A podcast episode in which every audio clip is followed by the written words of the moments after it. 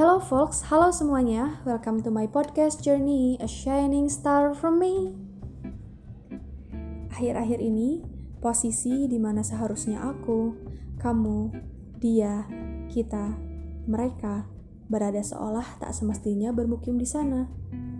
Aku sendiri pun merasa sepertinya aku tak harus berada di sini, tak pula harus berada di sana. Entah karena apa, Rasaku seolah tak menentu harus ada di mana untuk menetap di posisi apa yang seharusnya.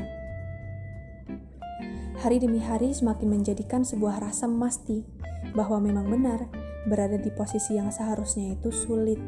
Berada di sana untuk menyampaikan asa pun tak mudah. Untukku yang kini kian berusaha memudarkan rasa tak menentu itu, ternyata sulit ya.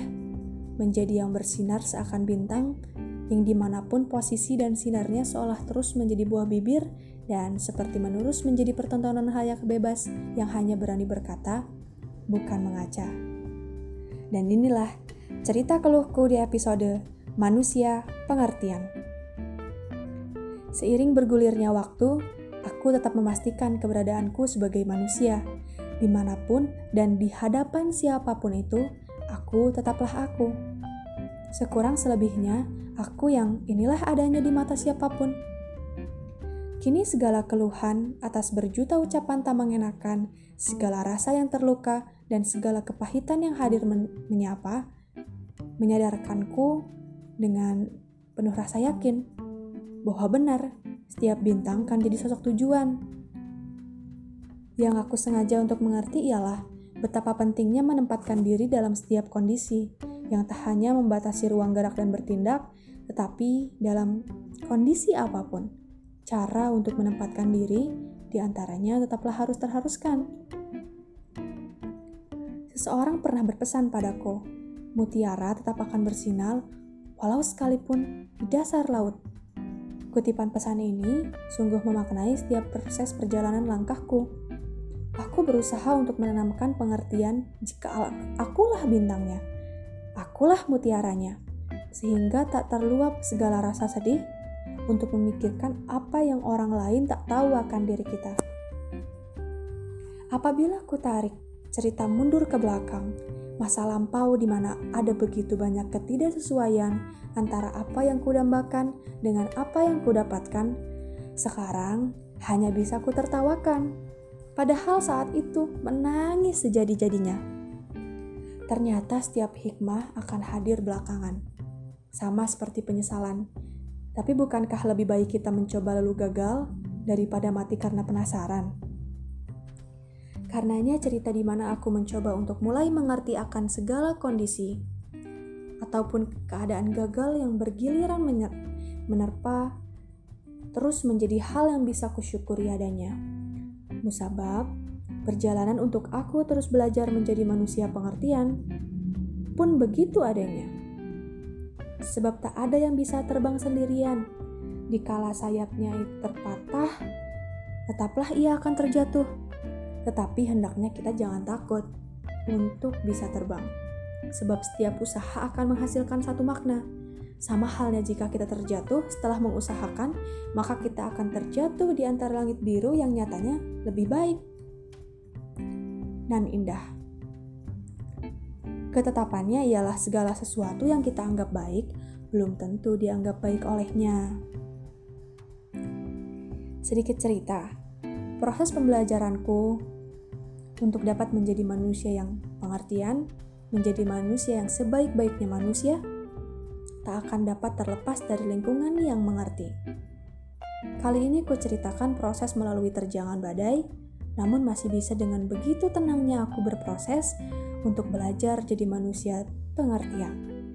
Tak lain ialah karena manusia-manusia lain yang kemudian menjadi manusia dengan tak terbatas baik dan hangatnya, yang ini perihal keluarga, kerabat, teman dekat, dan bahkan lawan yang menjadi kawan.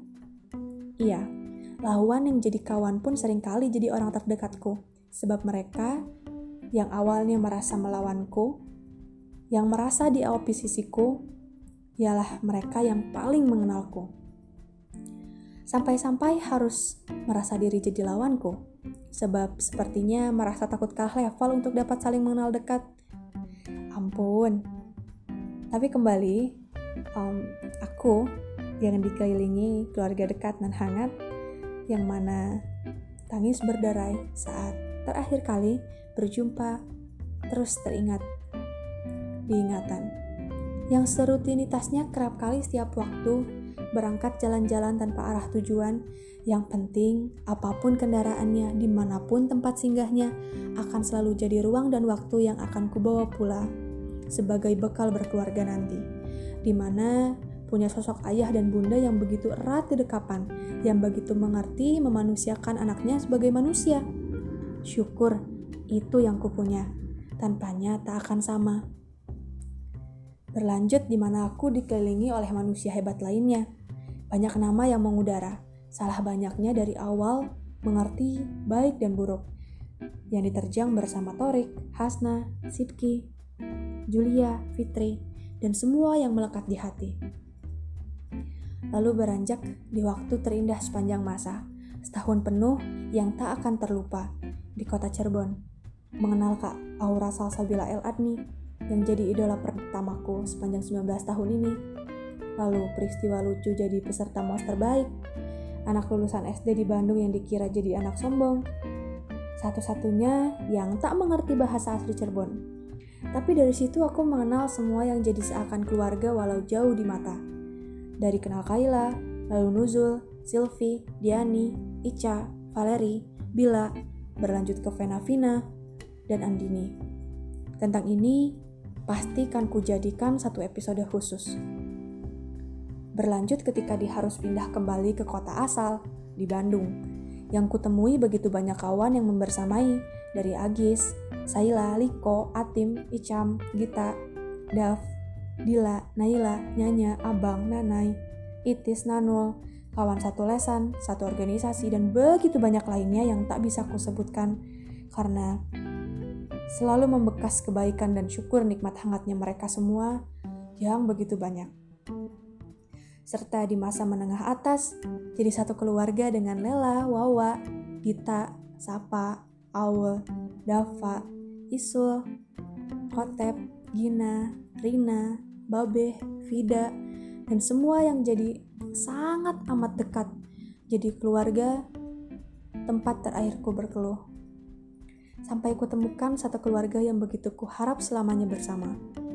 Jason, Jasmine, Shiva, Ipeh, Bohumai, Eca, Ivo, Ari, Adi, dan semua yang tak bisa lagi ku sebut kembali karena tak terbatas manusia baik di dalamnya. Semuanya baik. Bedanya hanya ada yang berkepentingan, ada yang mungkin iri dengki, dan mungkin hanya merasa gagal mendominasi. Juga di masa studi ini, kumulai jadi berkawan baik dengan Suni Rahma, juga Eta, dan semua yang kukenal baik adanya. Sampai di sini, di kota yang begitu asing menyapa, mulai kubuka kesempatan untuk jadi terbuka. Jadi manusia yang belajar pengertian, menerima segala bentuk perbedaan dengan begitu, yang mana ku dikelilingi manusia hebat yang jadi bentukanku sekarang. Merekalah manusia-manusia hebat di balik ku bisa lalui semuanya dengan tenang, walau setiap akhirnya selalu banyak sedih yang membekas. Terima kasih banyak semua.